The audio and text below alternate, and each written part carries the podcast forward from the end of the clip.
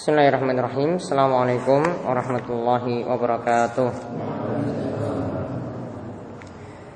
Alhamdulillahirrabbilalamin Wassalatu wassalamu ala ashrafil anbiya wa mursalin Nabiina wa sayyidina Muhammadin wa ala alihi wa sahbihi ajma'in.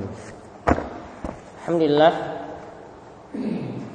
Para jamaah sekalian Kita bersyukur kepada Allah subhanahu wa ta'ala. Malam hari ini kita diperjumpakan kembali untuk melanjutkan kajian kita dari pembahasan Masail Jahiliyah yaitu tentang perkara-perkara jahiliyah yang di mana perkara-perkara tersebut adalah perkara yang tercela yang mesti kita jauhi. Ya, sebagaimana kata para ulama, araftu syarra la bisyarri lakin litawakki. Aku itu mengetahui kejelekan, mengetahui yang buruk-buruk mengetahui suatu perkara dosa ya bukan berarti aku, aku itu ingin melakukannya namun aku mengetahuinya supaya bisa menjauhinya ya atau tidak melakukannya. Baik eh, kita sudah membahas tiga perkara jahiliyah yaitu yang pertama ini sudah dirangkum ya dalam pembahasan yang ketiga kemarin yaitu berbuat syirik kepada Allah Subhanahu wa taala. Yaitu meminta doa kepada orang soleh. Yang berdoa kepada orang soleh yang sudah mati. Kemudian masail jahiliyah yang kedua yaitu berpecah belah. Tidak ingin bersatu. Ingin terkotak-kotak. Ingin terpisah-pisah.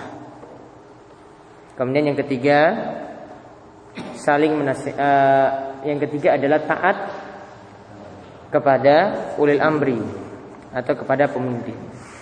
Sekarang yang keempat, masail jahiliyah yang keempat yaitu taklidul a'ma wa madaruhu, taklid buta dan penjelasan bahayanya.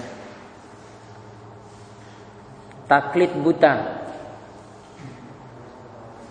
dan penjelasan bahayanya halaman 34. Ini masalah jahiliyah yang keempat.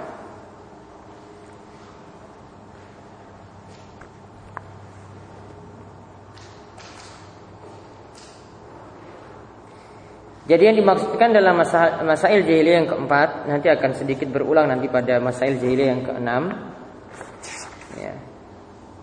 yaitu yang dimaksudkan adalah tidak mengikuti ajaran Rasul namun cuma mengikuti apa yang sudah jadi tradisi, apa yang sudah jadi warisan turun temurun.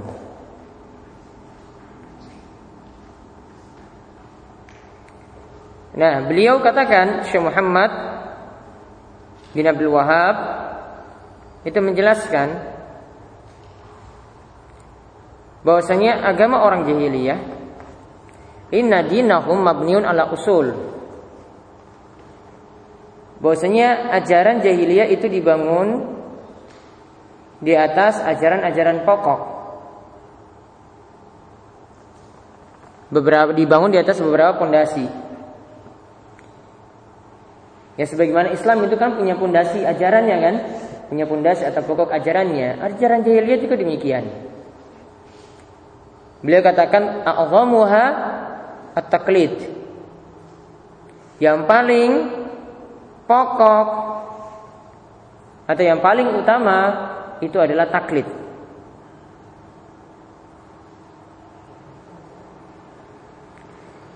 Nah, beliau katakan fahuwal qaidatul kubra li jami'il kuffar. Ini merupakan kaidah atau yang jadi dalil yang utama bagi orang kafir.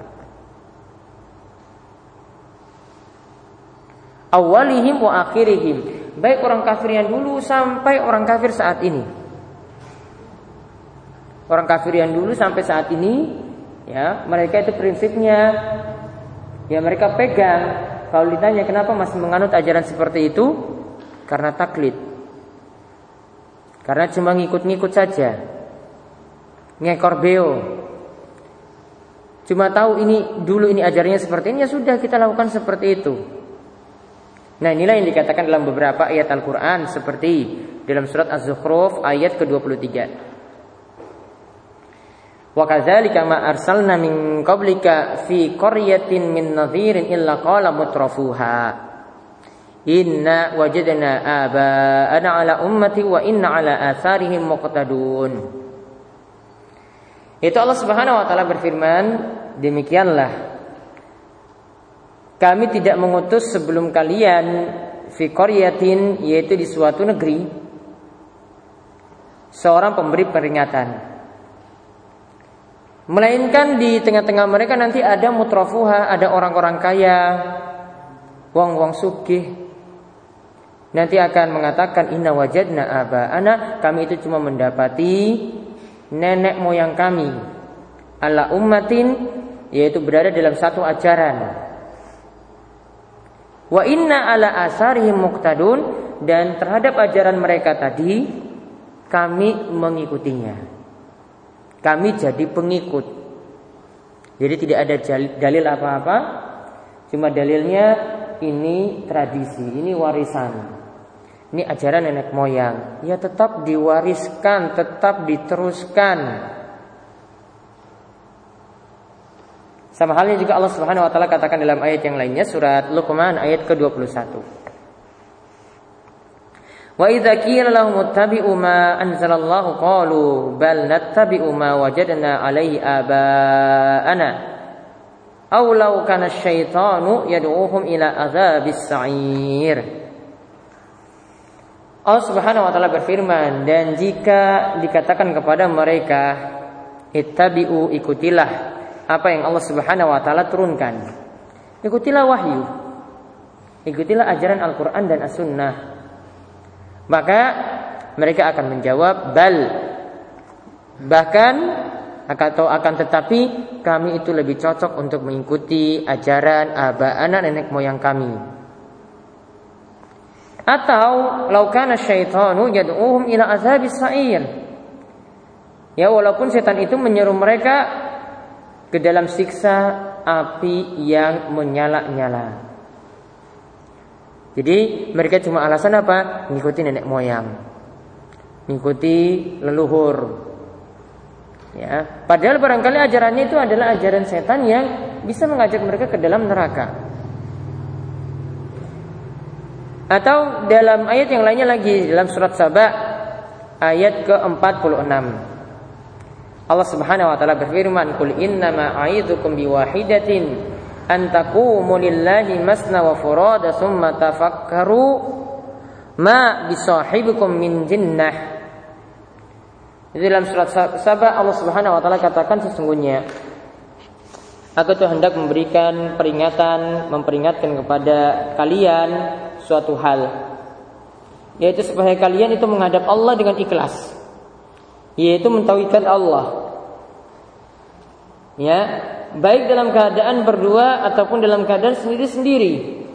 Kemudian kalian pikirkan yaitu tentang Muhammad tidak ada penyakit gila sedikit pun pada kawanmu yaitu Nabi Muhammad tersebut.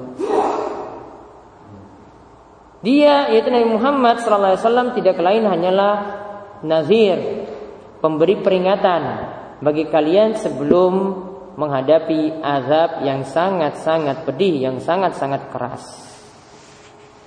Nah, di sini dikatakan bahwasanya diperintahkan untuk mengikuti Nabi. Ya, jadi setiap orang itu sudah diperintahkan untuk mengikuti Nabi Shallallahu Alaihi Wasallam. Namun Nabi SAW malah digelar, dengan gelaran yang macam-macam, dengan gelaran orang gila, ya, dan gelaran semacam itu. Padahal Nabi SAW itu membawa kebenaran. Ya, jadi orang-orang di masa jahiliyah itu tidak mengikuti ajaran Nabi SAW dan punya alasan untuk berbagai macam seperti itu. Padahal yang Nabi SAW itu bawa, bawa adalah ajaran untuk mentauhidkan Allah. Mereka lebih cenderung untuk mengikuti ajaran leluhurnya yang tidak sepadan atau tidak sama dengan ajaran itu.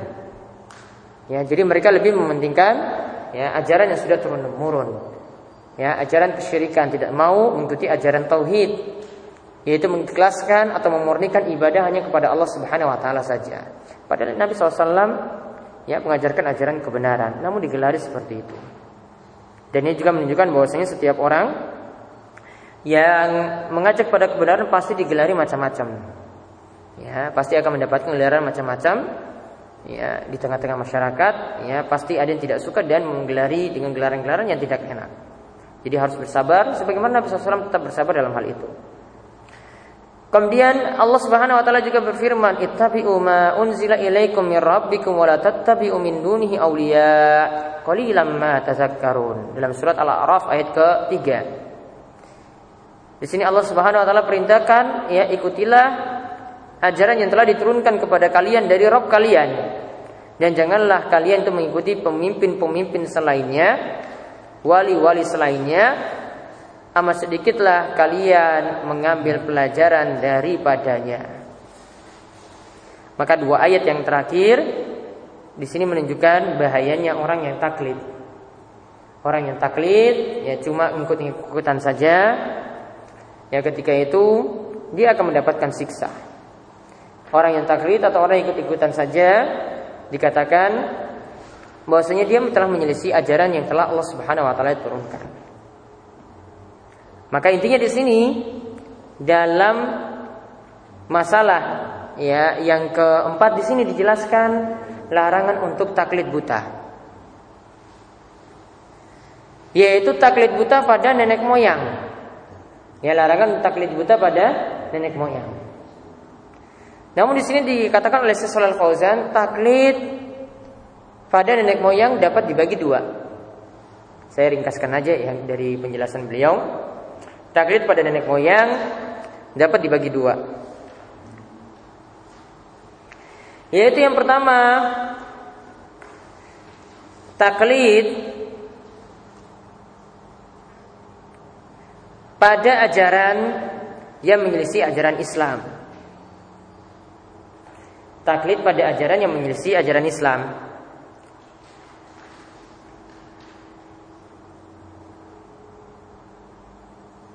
Atau mengikuti orang yang tidak pantas diikuti atau mengikuti orang yang tidak pantas untuk diikuti.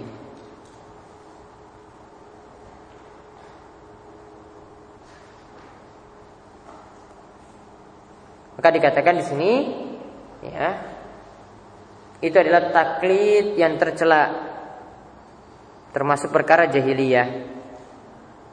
Itu adalah taklid yang tercela dan termasuk perkara jahiliyah.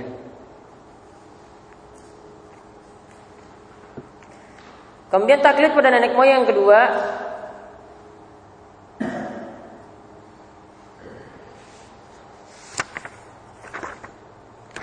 Yang beliau disebutkan dalam halaman 35 kalau terjemahan. Adapun taklid dalam kebaikan. Jadi yang taklid yang kedua adalah taklid pada nenek moyang dalam kebaikan taklid pada nenek moyang dalam kebaikan.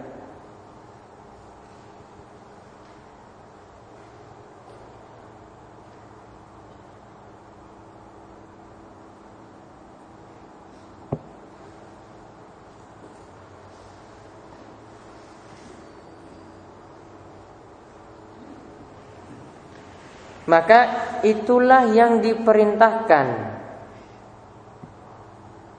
jadi kalau nenek moyang, leluhur itu mengajarkan amalan-amalan yang baik, akidah yang benar, mengajarkan ibadah yang ada tuntunan, mengajarkan akhlak yang baik, maka pantas diikuti.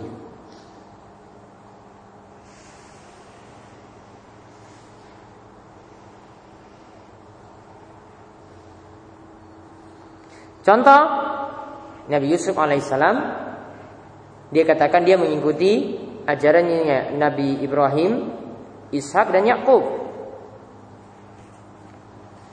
Ya, seperti disebutkan dalam surat Yusuf ayat ke-38, "Wattaba'tu millata abai Ibrahim wa Ishaq wa Yaqub, maka lana an nusyrika billahi min syai'."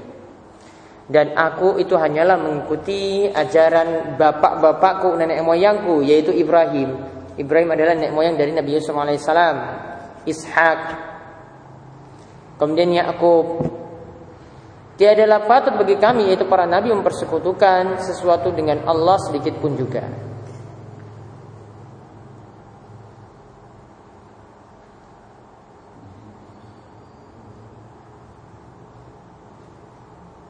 Jadi intinya di sini yang tercela tadi tidak pakai dalil, tidak ada tuntunan atau ya cuma sekedar mengikuti orang yang tidak pantas untuk diikuti. Ada pemabuk, dia ikuti juga warisannya. Ya, orang yang masih silam itu suram dia ikuti juga seperti itu. Ya. Maka di sini sesuatu yang tercela. Namun kalau diikuti dalam kebaikan seperti Nabi Yusuf alaihissalam itu mengikuti nenek moyangnya yaitu Ibrahim, Ishak dan Yakub maka dibolehkan. Seperti juga kita diperintahkan untuk mengikuti ajaran para salaf wasabiqun al-awwaluna minal muhajirin wal ansar walladzina tabauhum bi ihsan. Ya, dan mereka generasi-generasi awal dari kaum muhajirin dan ansar dan orang-orang yang mengikuti mereka dengan baik Nah itu pantas untuk diikuti seperti disebutkan dalam surat At-Taubah ayat 100 tadi.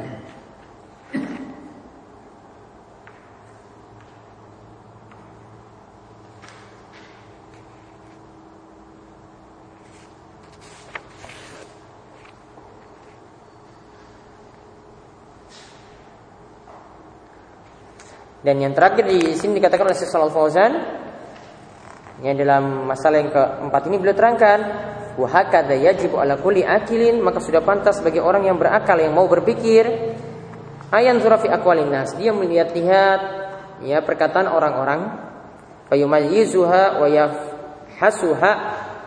Maka dia hendaklah mempertimbangkan dan menelitinya atau membanding-bandingkannya wa yaral khata' min dia lihat mana yang keliru mana yang benar fa yaqbalul haq wa yaruddul khata' dan dia ketika itu menerima kebenaran dan menolak ke, uh, kejelekan wala yahmiluhu taqlidil a'ma 'alal baqa'i 'alal batil dan tidak boleh seorang itu taklid buta sehingga tetap berada dalam kebatilan.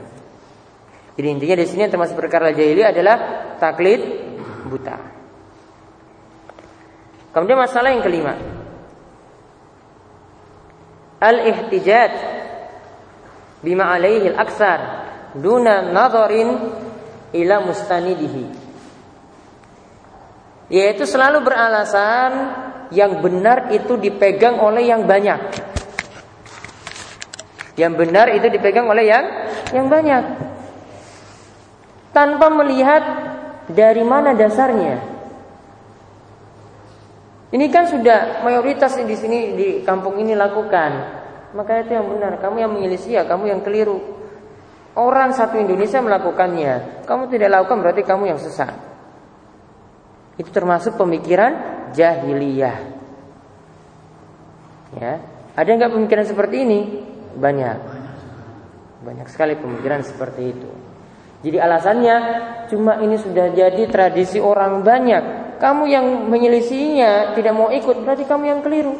Wong-wong melakukan seperti itu kok. Kamu sendiri yang tidak melakukannya. Berarti masih menganut apa? Tradisi jahi jahiliyah. Beliau katakan di sini. Jadi apa yang beliau katakan di awal-awal ini, ini yang ada di tengah-tengah kita. Ini masalah jahiliyah semuanya, masalah jahiliyah semua yang ada di tengah-tengah kita. Beliau katakan inna min akbari qawaidihim. Ini juga termasuk di antara kaidah penting dari orang jahiliyah. Al-iftirar bil aktsar, yaitu selalu terbuai, terpedaya, tertipu dengan jumlah masa yang banyak. Standar kebenaran itu dilihat dari banyaknya orang yang jadi pengikut. Wa yahtajuna bihi ala sihhati syai. Banyaknya orang ini dijadikan standar akan benarnya sesuatu. Wa yastadiluna ala butlani syai bi gurbatihi wa qillati ahlihi. Dan mereka itu selalu berdalil, beralasan dengan akan kebatilan sesuatu ya dan keasingan sesuatu atau sedikit orang yang mengikutinya itu dianggap aneh, dianggap sesat. Jadi yang banyak itu yang dianggap benar, yang sedikit itu yang dianggap sesat, yang dianggap keliru, yang dianggap tidak benar. Itu aliran sesat seperti itu. Standarnya apa? Sedikit itu yang dikatakan sesat, banyak itu yang dikatakan di atas kebenaran. Fa'atahum bidid dizalika. Mereka menganggap yang berlawanan dengan yang banyak tadi itu yang sesat. Wa awdahahu fi ghairi minal Qur'an. Dan mereka itu berkata tanpa memakai landasan dari Al-Quran. Landasannya cuma banyak sedikit. Tidak pakai landasan dah, dalil, tidak pakai landasan Al-Quran, hadis tidak. Ini kalau banyak ya itu yang benar, kalau sedikit itu yang sesat, itu yang keliru. Maka di sini jadi intinya beliau ingin membahas standar kebenaran itu bukanlah dilihat dari orang banyak. Ya, kalau pakai standar kebenaran dilihat dari orang banyak maka itu prinsip orang jahiliyah itu seperti itu, seperti itu. Atau sebaliknya, standar sesat itu karena sedikit yang melakukannya. Kalau prinsipnya seperti itu berarti masih menganut prinsip jahiliyah.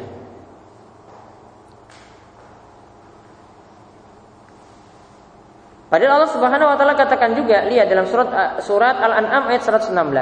Ada di situ disebutkan, di terjemahan juga ada Fa in tuti aktsara man fil ardi yudilluka an sabilillah iyattabi'u illa dhann wa inhum illa yakhrusun.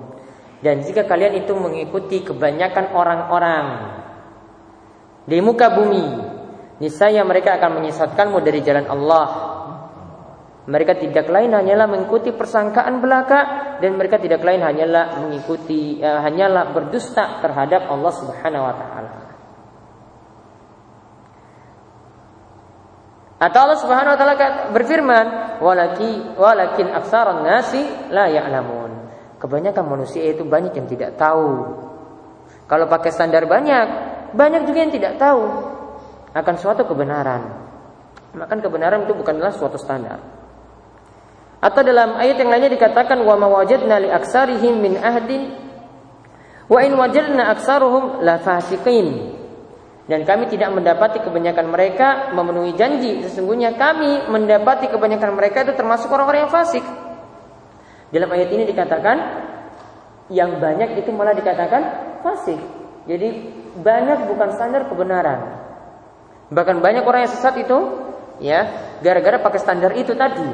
Dilihat orang banyak ikuti seperti itu, nah itulah yang dijadikan patokan. Padahal ya kebanyakan orang juga dapat menunjukkan itu adalah kefasikan. Jadi ukuran kebenaran sekali lagi bukanlah dilihat dari banyaknya orang.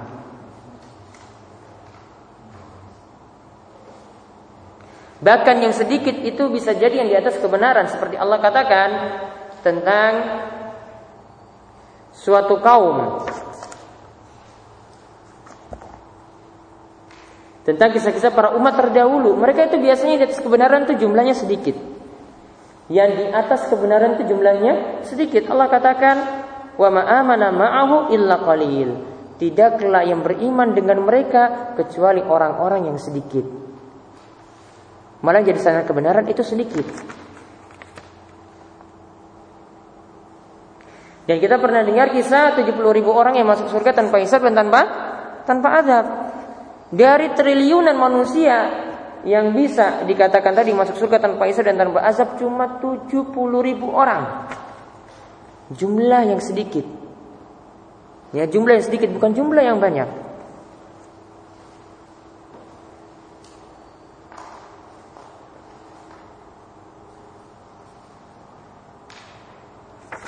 Dan yang namanya kebenaran ya, yang namanya kebenaran itu biasanya terasing. Terasingkan. Sebagaimana kata Nabi SAW, Badal Islamu ghoriban wa sayaudu ghoriban kama bada'a. Islam itu akan datang dalam keadaan yang asing dan juga akan kembali dalam keadaan yang asing. Di tengah-tengah kita akan muncul juga keasingan. keasingan. Ketika kita jalani kebenaran, malah dianggap aneh. Ketika kita jalani inilah yang sesuai dengan tuntunan Nabi SAW, malah dianggap itu sesat. Itu masalah yang kelima. Kemudian masalah yang terakhir yang kita bahas kali ini masalah yang keenam. Yaitu al-ihtijaj bima alaihi al-aqdamun duna nazarin ila mustanidihi. Yaitu selalu berargumen beralasan dengan para pendahulu atau nenek moyang. Ya hampir sama dengan yang kelima di sini ya, yang keempat tadi ya. Duna nazarin tanpa melihat adanya dalil di situ. Ya tanpa melihat sandaran dalil, tanpa melihat dasar dalil. Cuma mengatakan bahwasanya ya ini pokoknya ajaran orang-orang yang ada dulu. Jadi kalau ada yang punya prinsip seperti ini, berarti apa? Dia masih menganut pemahaman atau prinsip jahiliyah. Nah, seperti diterangkan di sini, beliau katakan al-ihtijaju bil mutaqaddimin. Jika beralasan seperti itu, maka ini adalah prinsip jahiliyah. Prinsip jahiliyah itu biasa beralasan dengan nenek moyang, pendahulu-pendahulu kita. Alasannya kalau ada amalan, ada ibadat, alasannya ini sudah jadi tradisi turun temurun. Nah, seperti yang Allah Subhanahu wa taala firmankan, qala fama abalul qurunil ula. Ya, ketika Firaun itu berkata, Ketika Fir'aun itu didebat oleh Musa alaihissalam. Fir'aun itu menjawab, menjawab Fama balul qurunil ula. Maka bagaimanakah lagi keadaan umat-umat yang dahulu? Maksudnya kami ini Fir'aun katakan dia menganut eh, ibadah semacam itu ya ini sudah jadi warisan dari nenek moyang ada dahulu. Kemudian Allah Subhanahu wa taala juga berfirman, "Ma sami'na bihadza fi aba'inal awwalin." orang-orang musyrik itu selalu beralasan seperti ini ya. Mereka itu katakan bahwasanya kami tidak pernah mendengar ajaran seperti itu sebelumnya. Tidak pernah mendengar itu dari nenek-nenek moyang kami yang dahulu. Ya, padahal di bawah itu adalah ajaran Islam. Namun nenek moyang tidak pernah mengajari seperti itu. Mereka katakan kami tidak pernah mendengar ajaran-ajaran semacam itu. Yang ada ya ajaran yang sudah jadi tradisi semacam ini. Nah, ini perkataan orang kafir Quraisy. Ya, semacam itu juga.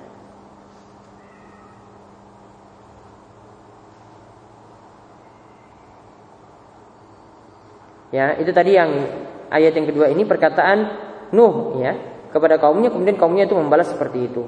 Masami'na bihadza fi aba'inal awalin. Kami tidak pernah mendengar ajaran semacam itu dari nenek moyang kami yang dahulu. Ketika Nuh itu mengajari kepada mereka seperti itu, maka mereka menjawab seperti tadi. Orang-orang Quraisy juga ketika disodori suatu ajaran yang tidak pernah diajarkan oleh nenek moyang mereka, mereka juga katakan sama, "Masami nabi hadza fil millatil akhirati in hadza illa ikhtilafun." Ya, kata Allah Subhanahu wa taala, orang Quraisy, kafir Quraisy itu mengatakan kami tidak pernah mendengar seperti itu. Dari nenek moyang kami, Sesungguhnya apa yang kalian bawa tadi itu adalah ajaran dusta. Malah dikatakan ajaran yang benar tadi dikatakan ajaran dusta. Digelari itu adalah ajaran yang sesat.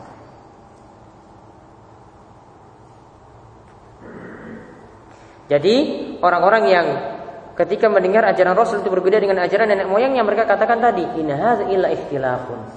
Yang ada ajaran itu cuma ajaran yang dusta. Ajaran yang tidak benar ajaran yang sesat. Ya, orang kafir Quraisy juga katakan seperti itu.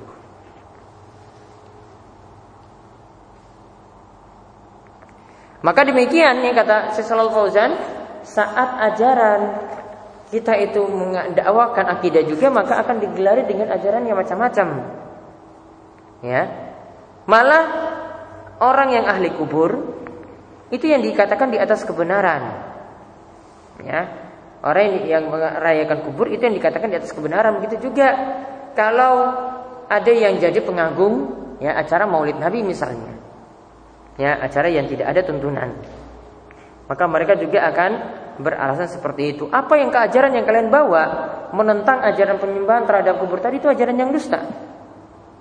Begitu juga kalau ada yang menentang ini perayaan kelahiran Nabi Sallallahu Alaihi Wasallam misalnya, maka dikatakan lagi itu adalah ajaran yang yang dusta karena sudah menyelisih ajaran nenek moyang mereka.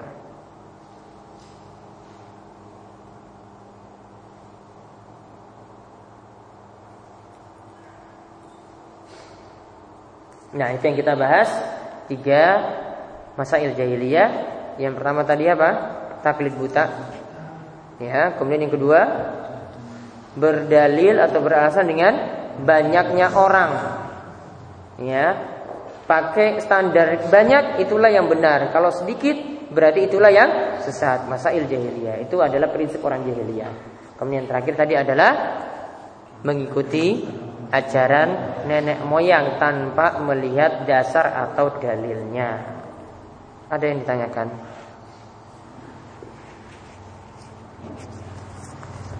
Kalau nenek moyang itu kan benar. Nabi Yakub itu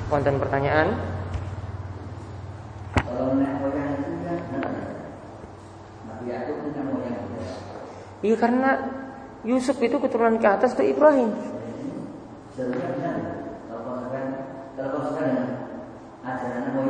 Pasti benar.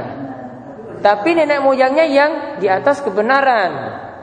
Yang tahu ajaran Rasul. Bukan nenek moyangnya juga ikut-ikut terus atau buat-buat ajaran baru. waktu Nabi Yakub bilangnya, mana itu dibagi. Hmm. Terus?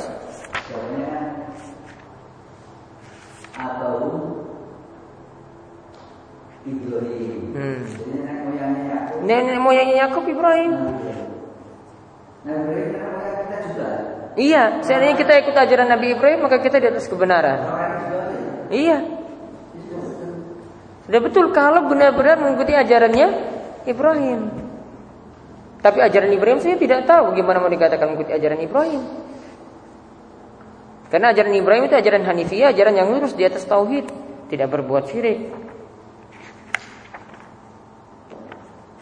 Ada lagi? Hasilnya? Hasil dari seorang pemimpin yang dipilih dengan cara banyak-banyakan, Banyak-banyakan. banyak-banyakan suara. Ya, terus? Misalnya saya jatuh jadi presiden, Hmm. Tetap ditaati. enggak sah. Dengan cara kudeta saja sah. Kalau apa?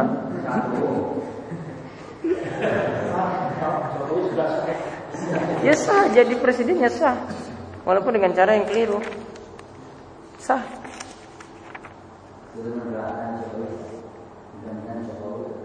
Istiqomah menjadi gubernur DKI. Oke. yang berkaitan dengan pemilu itu. Jadi ada ada yang mengatakan bahwa pemilu itu kalau kesulitan terus ikut serta di dalam pemilu itu juga ikut serta melakukan kesulitan itu. Gimana? Jadi pemilu itu kan produk Demokrasi. Ya. Seseorang yang membuat hukum itu berarti dia sudah menyamai atau menandai Allah dalam Quran. Ya. Jadi kita seolah-olah itu apa kesirikan ya, itu? Orang yang memilih itu dia tidak menetapkan hukum. Dia tidak menetapkan hukum di situ. Dia memilih ya atas dasar melihat mana maslahat di situ atau mudorot dia ingin tekan. Bukan maksudnya dia menetapkan hukum. Tidak menetapkan hukum di situ. Beda dengan orang yang membuat undang-undang. Orang yang memilih itu bukan orang yang membuat undang-undang. Dia tidak membuat sama sekali. Namun dia untuk masalah memilih pemimpin yang sudah ada, pemimpin-pemimpin yang dicalonkan. Berbeda. Dan lihat fatwa-fatwa ulama. Ya. Ulama di berbagai macam negeri Islam, di negeri Islam itu rata-rata semua punya sistem demokrasi. Selain kerajaan Saudi Arabia. Maka pertanyaan-pertanyaan yang ada ketika ada pemilihan semacam itu, itu sering para ulama itu dapatkan. Aljazair sistem demokrasi, Mesir sistem demokrasi. Ya. Kemudian Tunisia sistem demokrasi negara-negara Islam, mayoritas Islam. Yaman sistem demokrasi. Kita Indonesia sistem demokrasi. Maka para ulama tahu kasus yang terjadi di macam di berbagai macam negeri Islam seperti itu, tahu kasusnya. Maka banyak pertanyaan datang di tengah-tengah mereka, bolehkah memberikan suara dalam pemilu semacam itu? Maka lihat para ulama saja masih bolehkan. Mereka tidak katakan sama ini dengan mendukung demokrasi, tidak. Memilih ini berbeda dengan mendukung demokrasi. Ya, beda kalau kita menetapkan hukum di situ, beda kalau kita jadi bagian parlemen di situ, beda. Ini masalah memilih. Suatu hal yang derajatnya itu jauh sekali dengan ya mengambil hukum dalam demokrasi tersebut berbeda sekali. Ulama itu tahu apa ulama juga mau dikatakan berbuat syirik gara-gara salah fatwa. Ulama belakangan ini lihat pendapat mayoritas ulama kecuali saya mukbil. Cuma yang menyelisih di sini, sini aja saya, saya mukbil.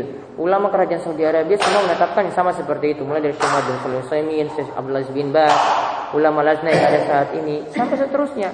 Jawabannya sama seperti itu. Dilihat masalah dan mudaratnya. Apalagi kalau ingin berhadapan dengan calon yang baik dan calon yang jelek. Calon yang soleh dengan calon yang penjahat. Calon yang mendukung Islam, calon yang tidak mendukung Islam. Itu suatu hal yang urgent sekali.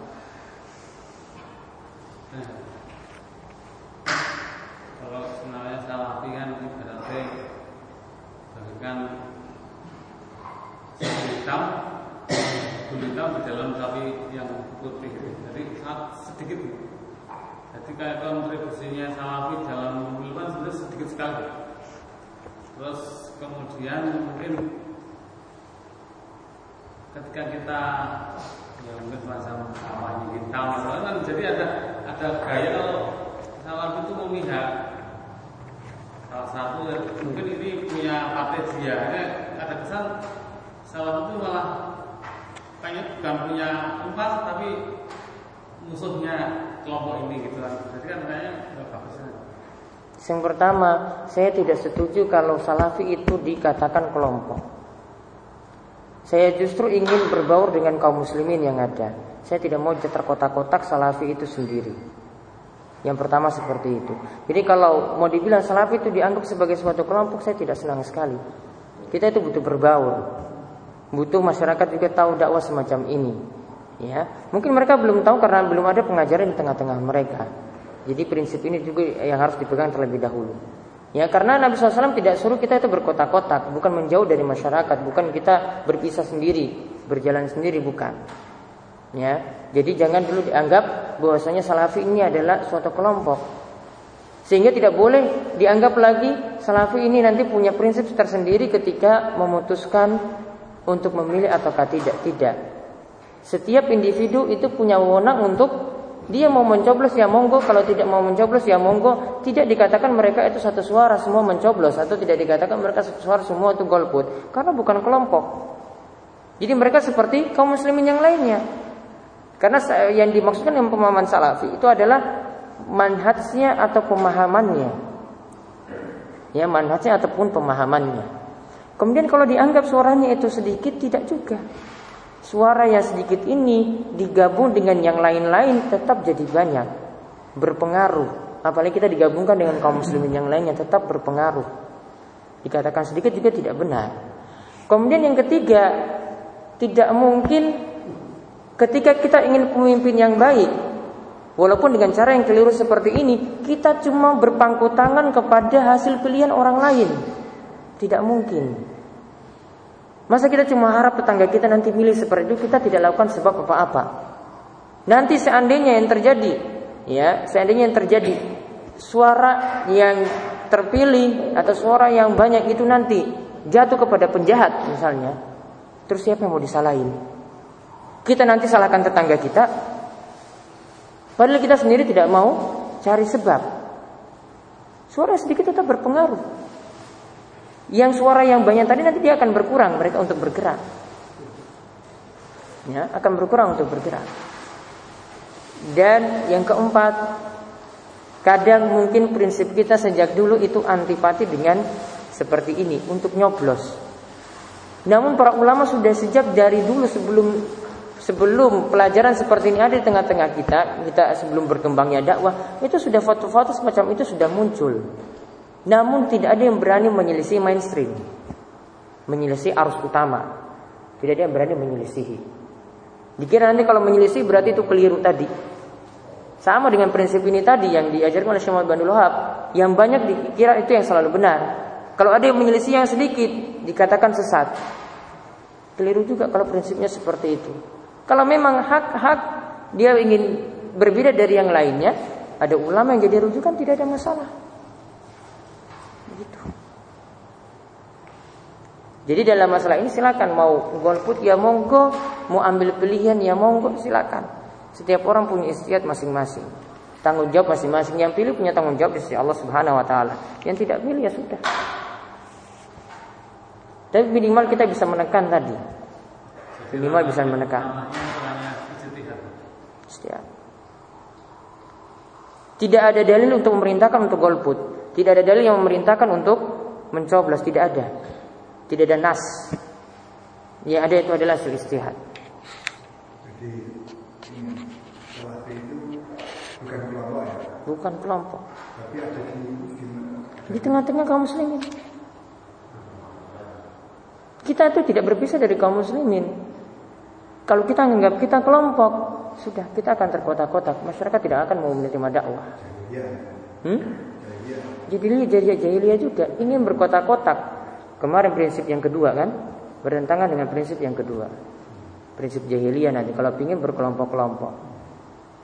Maka berbaur dengan masyarakat. Kita tahu kita prinsipnya seperti ini. Jelaskan pada mereka bahwasanya prinsip kita beragama seperti ini. Kita tetap ingin bersatu. Bersatunya gimana? Apa yang keliru di tengah-tengah masyarakat ingin dijelaskan. Kalau seandainya kita berpisah dari mereka, ingin kelompok tersendiri, maka masyarakat tidak akan terpengaruh dakwah. Iya kan? Yang penting kita tidak ikut arus yang ada di tengah-tengah masyarakat, tidak ikut ajaran mereka. Namun yang kita bawa itu ajaran Rasul. Mereka mau ikut ajaran ini, ya monggo kalau tidak mau mengikuti ya sudah. Yang penting sudah jelaskan tengah-tengah mereka. Sudah sampai hujah, sudah sampai penjelasan dan seterusnya seperti itu.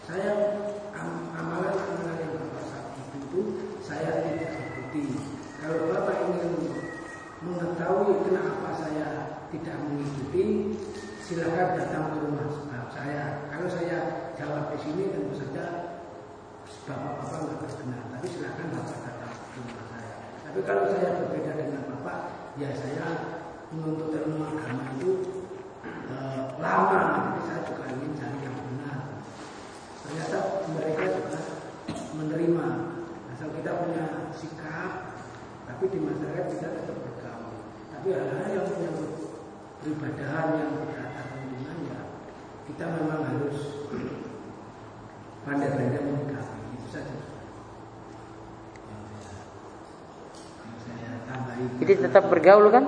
tetap bergaul. Tetap bergaul. Nanti lama-lama mereka akan tahu sendiri. Bahkan mungkin bisa jadi terpengaruh.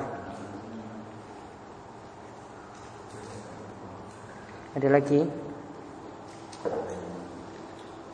Ampun. Kalau kita nimbrul kan Nimbrul itu kan dalam konteks ya mungkin kamu ya Nanti ya kita mungkin menjaga di antaranya menjaga hati kita juga menjaga teman kita Menjaga hati jangan kita nanti ikut arus Menjaga hati teman kita nanti dia harus tujuan waktu dengan harus kita gitu. Ya mungkin kita mungkin tujuan kita berubah mungkin kita yang jadi masalah gini. Ini kadang mereka punya kajian. Yang ngajar ustaz mereka. Kadang kita punya masjid. Cuman kalau mereka ngisi ngomongnya kalau gitu gitu, ya, mereka malah. Kalau enggak gitu, apa? Enggak datang ya gimana? Kalau datang ya, Kajiannya siapa? ya kita kan di, di, di masyarakat. Hmm. Nah itu. Jadi kalau kita mau Kalau nggak datang nggak enak. Gak enak. Nanti teman-teman yang lain yang ngomong dengan kita itu ngapain kok kayak gitu. Kita mau duduk yuk katanya bosan juga. Tapi kalau nggak anu, kalau nggak duduk, nanti kita nggak bisa ngaruhi. Lihat maslahatnya mana yang lebih besar. Karena kita tidak mungkin nggak sempurna. Kalau maslahatnya, ya, saya duduk di situ tapi nanti masyarakat bisa saya pengaruhi. Dan itu jalan yang terbaik ketika itu. Bertemu mereka dengan pada acara-acara semacamnya sudah hadir. Kita tidak mungkin terpengaruh dengan ajarannya. Ya masuk telinga kanan keluar telinga kiri. Misalnya kita dengar ceramahnya seperti itu. Ya hadir saja. Hadir. Tidak usah dengar kata orang dulu. Ingat kita mau jalani suatu ajaran itu, ya tidak usah ini dengar kata orang. Kalau kita lakukan seperti itu maka berarti kita cari ridho dia bukan cari ridho Allah. Bukan cari. Hmm? Ya nanti jelaskan sama mereka. Ini ada masalah saya di situ. Ya. Ada masalah di situ. Misalnya ada sesuatu yang yang penting dijelaskan. Orang undang kita, ya. Orang undang kita pada suatu acara yang tidak ada tuntunan. Tapi di, kita nanti di situ jelaskan bahwasanya acara ini itu keliru. Mungkin orang-orang akan nuduh ini kok kamu ada dari acara yang tidak ada tuntunan seperti itu. Namun ada masalahnya di sini. Ketika hadir, orang-orang itu akan tanya, jamaah-jamaah itu akan tanya, kenapa acara ini kok tidak diadakan? Misalnya di Saudi misalnya. Langsung kita jelaskan, iya memang tidak diadakan. Ya, ada masalah ketika itu mereka tanya. Lalu kita jawab. Berarti kan nanti ada pengaruh. Acara ini lama kelamaan nanti akan hilang.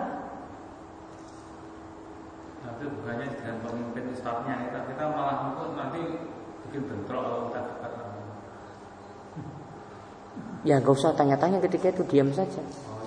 Ya, cuma hadirkan badan aja, nggak hadirkan hati. hadirkan badan aja, nggak hadirkan hati. Kita kan takutnya juga dia ngomong ngawur kita bantah nanti kan jadi repot. Ya makanya hadirkan badan aja, hatinya nggak usah biar nggak jadi bentrok sama dia. Saya nggak tahan Saya dua kali saya. Saya kan undangannya undangannya kayak Ustaz itu ada tahlilan. Nah, berhubung saya itu kalau undangan itu selesai sholat isya, nanti saya akan terakhir datang. Kebetulan dekat ustaznya. Ya datang pas acara intinya akikahan. Pas ustaznya datang, baru datang. Ngomongnya macam-macam. Nah, saya sama susah bantah pada saat itu. Enggak benar ngomong gitu. Enggak ada tuntunannya. Pak, di sini undangannya itu umum, Pak. Jangan ini bukan umum pak. Ada orang Kristen, ada orang Muhammadiyah, Jangan asal ngomong. Saya ini Muhammadiyah pak. Masalah itu sudah sudah sudah. Begitu juga pak di masjid. Masjid kan sudah saya pesan Ustaz Ari takmirnya itu. Pak, ini masalah eh, apa sholat waktu fitri ini halal bihalal eh, halal dalam satu kampung pak saya bilang sama jadi nanti kalau disampaikan ya masalah kuat terhadap umat Islam dan umat yang lain. Dan mawon pak. Mungkin pak Selamat tolong sampaikan sama ustadznya. Nah, ustadznya enggak. Juga saya kan datang. Ustadznya juga enggak. Nah tapi sudah saya saya kendaraannya tak suruh pakai di depan rumah saya. Akhirnya ya saya suatu juga tapi tak tunggu waktu bubarnya. Itu kan menyeduh umat itu Ustaz. Jangan asal gitu Pak. Di sini ini kan undangan umum. Halal bihalal itu undangan satu desa, satu kampung. Kalau Ustaz merasa bunda sendiri, saya juga punya. Jangan gitu. Padahal yang punya rakyat. Jadi sebenarnya ingin datang, tapi kalau lihat ini puas ada Oke, sekarang saya tidak datang. Karena ya Ya dilihat kalau mau datang Dilihat ada masalah atau tidak Yang muamalahnya besok aja saya bahas Saya lupa bawa sarahnya soalnya. Insya Allah Nanti pertemuan kita tinggal satu kali sebelum Ramadan. Besok minggu depan terakhir. Minggu depannya lagi kan sudah puasa. Ramadan libur nanti setelah Ramadan. Libur. Diklat belum Ramadan, diklat ini jangan. Dicas. Izin Ustaz, ini tadi kan di sini kan sedikit Ustaz pengajian ini. Di tempat saya itu di Pak Ibu itu juga ada kajian. Bagaimana kajian ini kita gabung. Jadi untuk malam Selasa itu tidak di sini semua, tapi saya juga mungkin seminggu untuk Selasa dalam satu bulan empat kali, yang dua kali di Canden, yang dua kali di sini. Di Canden itu pun juga. Di sebelah sini Ustaz. Ulang kali. Selang kali. Jadi kalau Ustaz ada kerja. Ya, takutnya ini nggak disetujui nanti. Oh kita sudah biasa. Kita Nanti telinganya panas. tidak. Itu pertama kali kita kan dulu kajiannya juga Jaliah oleh Ustaz Ustaz Muslim dulu. Jadi kita kita yang itu Sudah. sudah terbiasa. Justru ini kita kita topik juga. Nah, daripada di sana juga sedikit, di sini sedikit, kita sekali-kali campur di tempat saya di. Sedikit nggak apa-apa kan? Sedikit bukan standar ini. Sesat ini. Salah belum ini. Ustaz Susilo. Kitabnya kita fotokopi. Itu ada satu bulan sekali. Gimana Ustaz? Ah, manut saja. Aja. Suruh datang ke sini saja. Sampun nggih? Pak Nasir? Apa jadi tim sukses, Pak? Ya. Tim sukses apa ini supporter? Tim sukses. Aku jadwalnya nggak pernah mau nggak pernah mau cuma Siapa? Kenapa bisa berbalik? Kenapa bisa berbalik?